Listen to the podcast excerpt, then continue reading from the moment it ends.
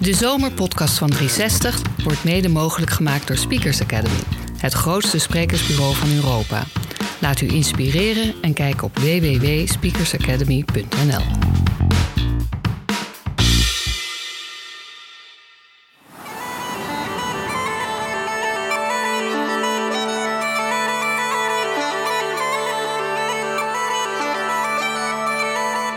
Welkom bij de 360 Zomer Podcast. Elke twee weken maken we een selectie uit de wereldpers. Behalve in de zomer, dan gaan we op vakantie. Om u toch te vriend te houden, trakteren we nu op een grote 360 Zomer Podcast. Deze aflevering leest onze ambassadeur Jan Mulder een verhaal voor. Over de eerste plaats Cork van de Ierse schrijver Kevin Barry.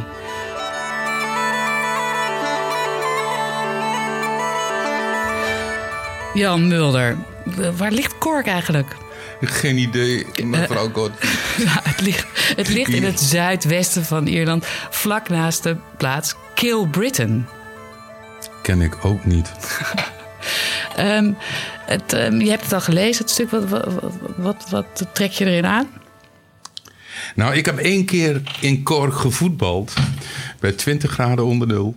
En onze trainer had het idee om ons vlak voor de aftrap een, eh, een klein glaasje whisky te geven. Ik dronk niet. En ik was na vijf minuten rijp voor vervanging. Laveloos. Ja, Europa Cup wedstrijd. ik moest eruit. Ik was dronken.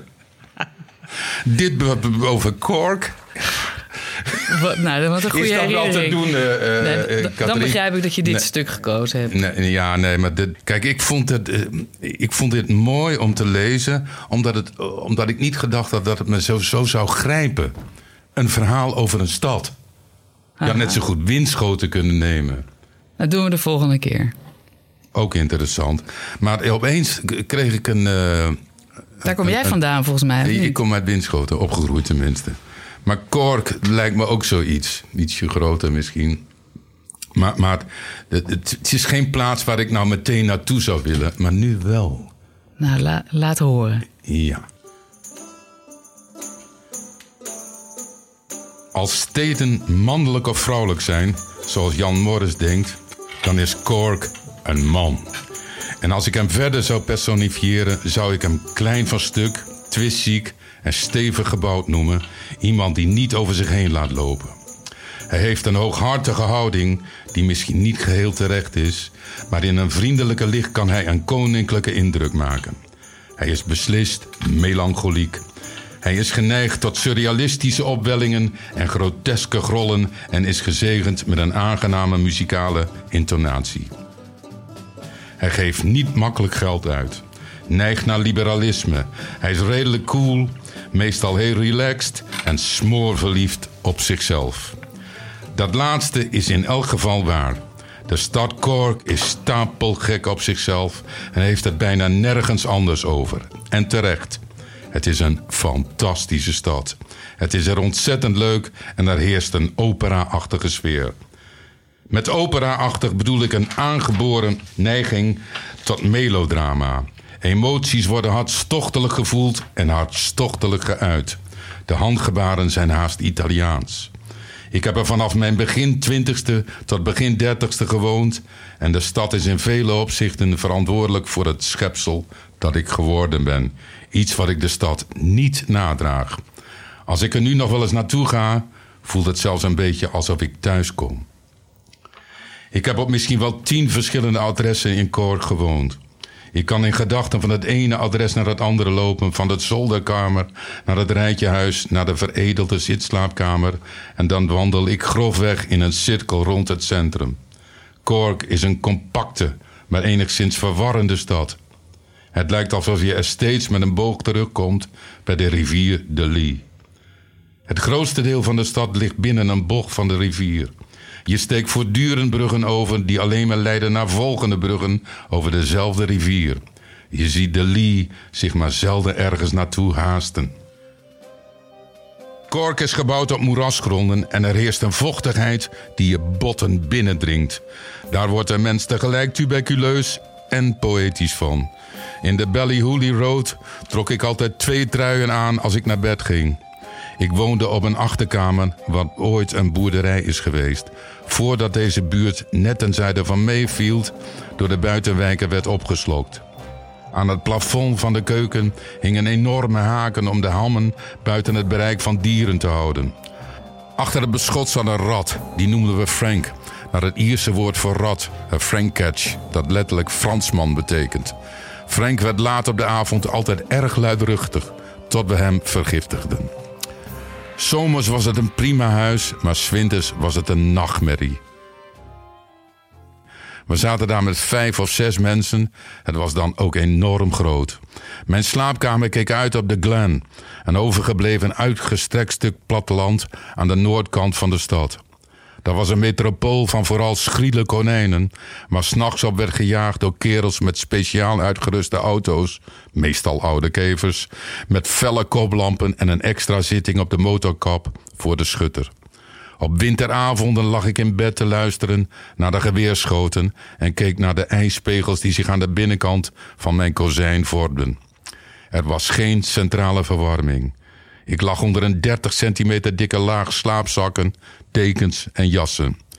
Ik was vastbesloten om voor Cork te zijn wat Soul Bello voor Chicago was geweest. Maar dat werd geen succes. Niet in de laatste plaats door de hoeveelheid hash die ik rookte.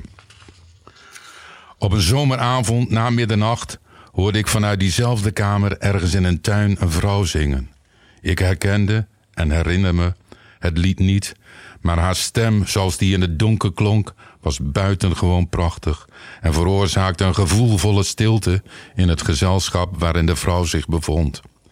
Ik was hartstochtelijk eenzaam, zo eenzaam als je alleen maar kunt zijn als je een jaar of 25 bent en ik lag in bed met de ramen open te luisteren naar het lied waar ik zo ontroerd door raakte dat ik probeerde om op telepathische wijze berichten te verzenden naar een meisje dat op dat moment aan de andere kant van de stad lag te slapen. Ook dat werd geen succes. Cork was zo zuinig met geld omdat er ooit zo weinig van was en dat was dan ook nog in het bezit van slechts weinigen. De handelsbaronnen die de stad altijd hebben bestierd, zijn er nog steeds hoog boven verheven. Er is een bepaald Korks gezicht, welvarend, roze, gezet en mannelijk, dat al eeuwenlang glimlachend toeziet op de handel in en rond de South Mall. Zij kopen en verkopen de stad. Ze kijken minachtend neer op Dublin. Er werd idealiter handel gedreven met het vasteland. En Cork was de noordelijkste stad van het Middellandse zeegebied. Die baronnen voeren nog steeds de heerschappij. Al gaan ze tegenwoordig rond hun 52ste met pensioen. Ze dalen ochtends vanuit hun schitterende Victoriaanse huizen de heuvel af en drinken koffie met elkaar in het Imperial Hotel aan de South Mall. Daar logeer ik zelf ook vaak en ik leg graag rond een uur of elf ochtends mijn oor te luisteren in de hotelbar. Ze prijzen de scones, betere krijg je toch nergens. Hun zinnen eindigen met een zangerige hoge intonatie. Alle gegoede burgers van Cork hebben een aangeboren aanstellerigheid. Ze hebben het over hun dochter in New York of hun boot in Kinsale. Hun stem is fluweelzacht en hun ogen zijn vochtig van weemoed. Ze hebben het over de glorietijd van de mol. Ze praten erover alsof het een aparte wereld is. Cork is in veel opzichten altijd een soort stadstaat geweest, gerelateerd aan, maar niet verbonden met de rest van Ierland. Aan het begin van de 20e eeuw was Cork voor Ierse begrippen uitzonderlijk industrieel. Het leek meer op een Noord-Engelse dan op een Ierse stad. En er heeft altijd een ondernemersklimaat geheerst. Kwam Henry Ford hier immers niet vandaan? Nadat de Ford-fabriek in de jaren 80 werd gesloten, ging het met Cork al snel bergafwaarts. Toen ik in 1992 kwam wonen, zat de stad duidelijk op zwart zaad. Dat was helemaal zo slecht nog niet. Het werd een ideale plek voor creatievelingen. De pubs zaten overdag bijna vol en werd heel goedkoop bier geschonken. De Liberty in North Main Street, mogen hij rusten in vrede, verkocht flessen Linden Village cider. De Pot Black Pool biljartzaal in Washington Street was een opleidingsinstituut voor veelbelovende cannabisverkopers. De klassenmaatschappij bleef gehandhaafd, behalve in de nachtclubs Sir Henry's in South Main Street, waar alle lagen van de bevolking zich met elkaar vermengden in een roes van ecstasy en housemuziek. De grap onder de kakineuze studentenachtige types over Henry's was dat je pas wist met wie je stond te zoenen als om twintig over twee na het laatste nummer de lichten aangingen. Een historische, rond 1993 afgeluisterde dialoog op de herenwc van Sir Henry's tussen twee jonge Coconians die hun ecstasy-inname bespraken. Coconian nummer 1, hoeveel heb jij er gehad? Coconian nummer 2, 6. En ik heb er nog eentje thuis voor straks. In die periode was ik de nachtclubcorrespondent voor de Res, een uitgaanskrant van de stad. Dat was een uiterst inspannende aangelegenheid die ik nog net kon volhouden. Swinters liepen we de hele nacht de feesten af, waarna we de volgende middag om half zes opstonden en boterhammen met uitgebakken spek aten.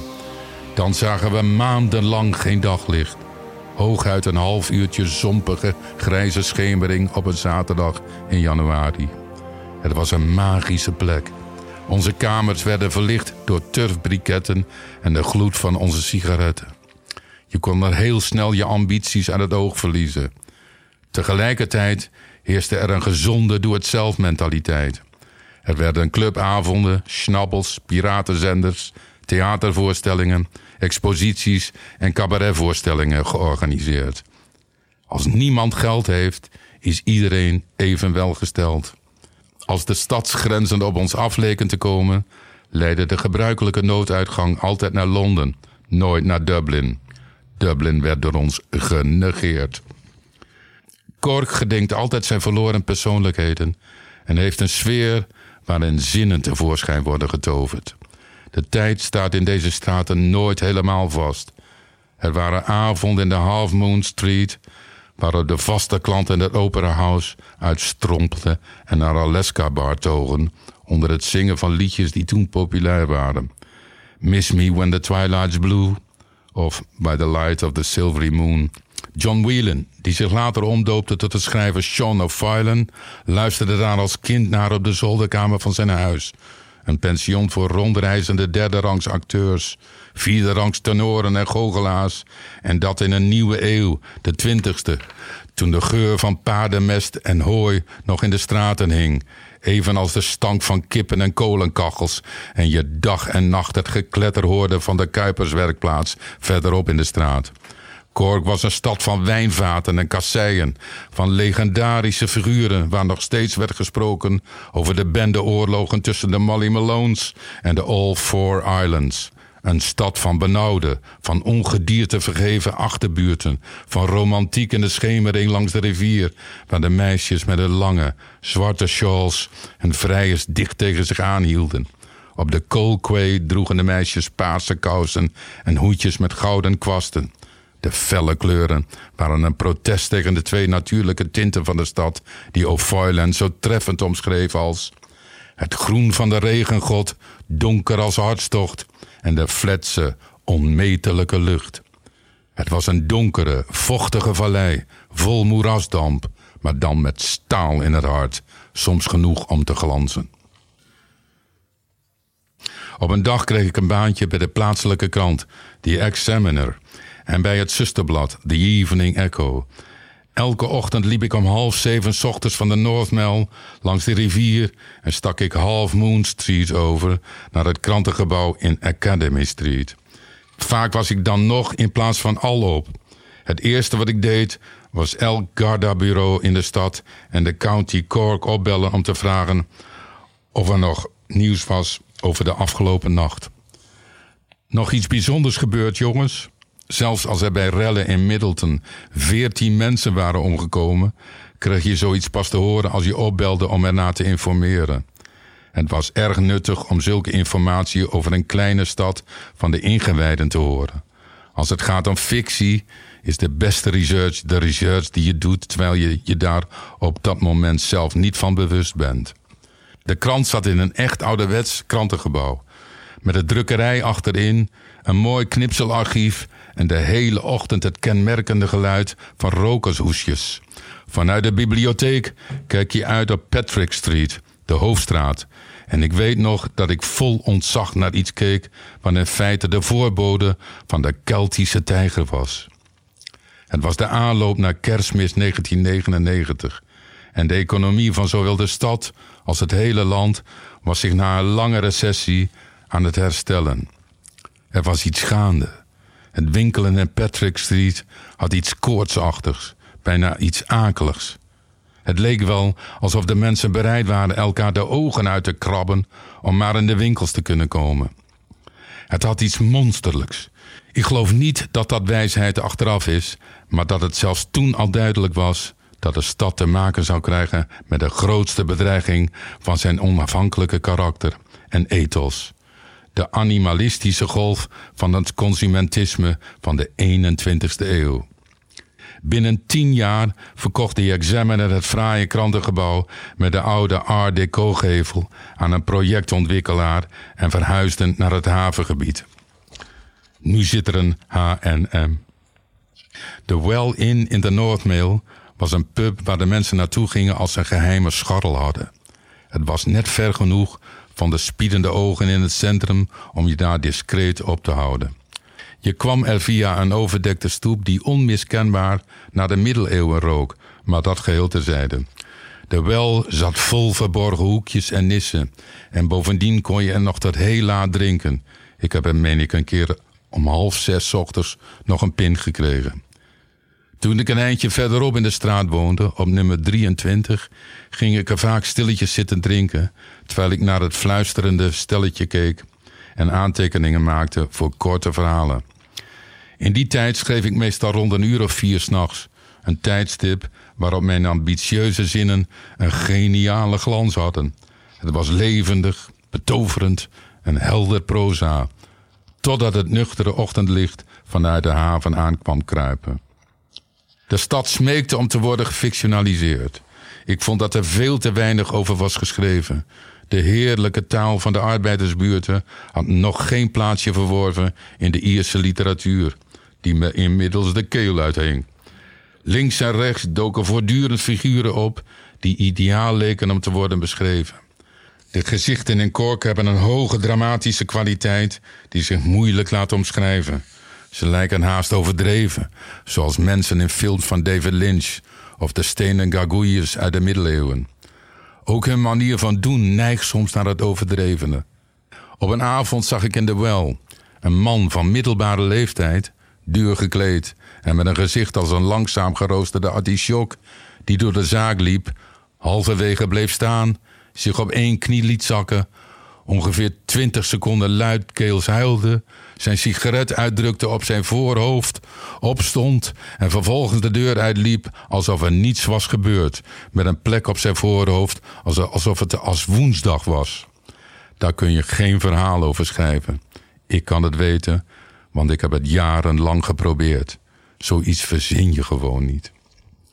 In mijn tijd kon je in McCurtain Street geen Italiaanse banken kopen. Je kon wel om half twee s'nachts, maar de laatste tien jaar heeft de gentrification toegeslagen in deze noordelijke doorgaande weg.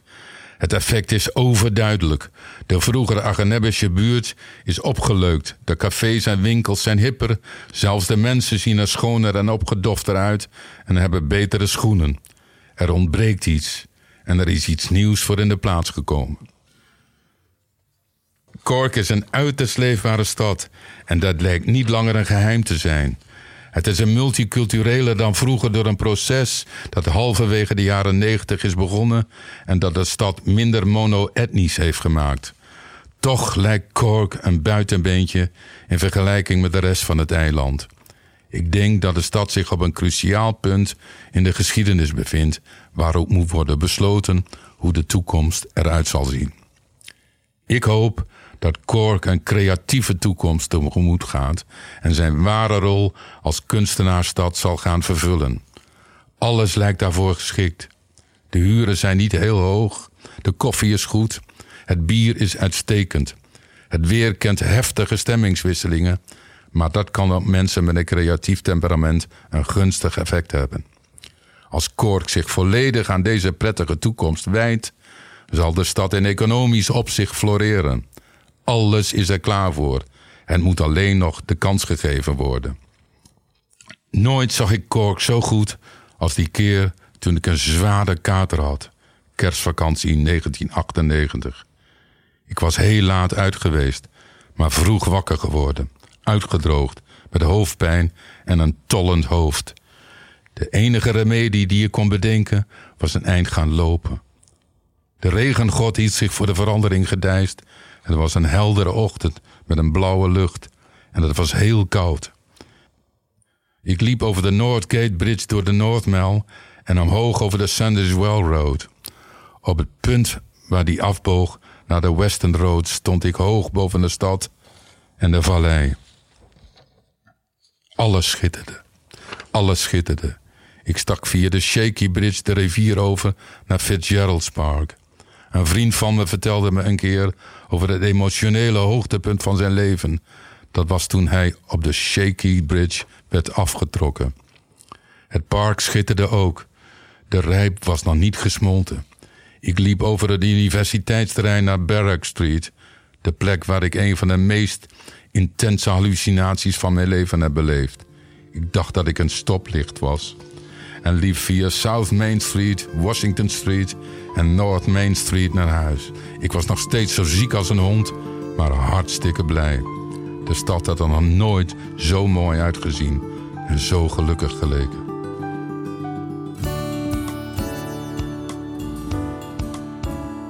Dankjewel Jan. Wat een schitterend verhaal. Wat heb je dat mooi voorgelezen. Het, is een, het artikel is geschreven door de Ierse schrijver Kevin Barry en gepubliceerd in uh, Granta. Prachtig. En waarom is dat nou zo mooi? Ja, halverwege het lezen. Ik ben nog nooit in Cork geweest, maar dacht ik toch het te wandelen bedriegelijk goed uh, geformuleerd allemaal. Namelijk, heeft er niks bij verzonnen. Uh, je voelt dat dit de waarheid is en niets meer dan dat. En dat maakt het bijna magisch. Maar het is ook heel mooi om een stad als een, uh, als een mens te beschrijven. Dat doet hij echt wel. En hij spaart zichzelf ook niet. Ik, ik heb dat niet als shockend ervaren. Nee. Nee, ik vond het vooral liefdevol. Dat is echt waar, ja. We moeten erheen, naar Cork. Wilt u meer van dit soort verhalen lezen? Ga naar 360magazine.nl, podcast en neem een proefabonnement.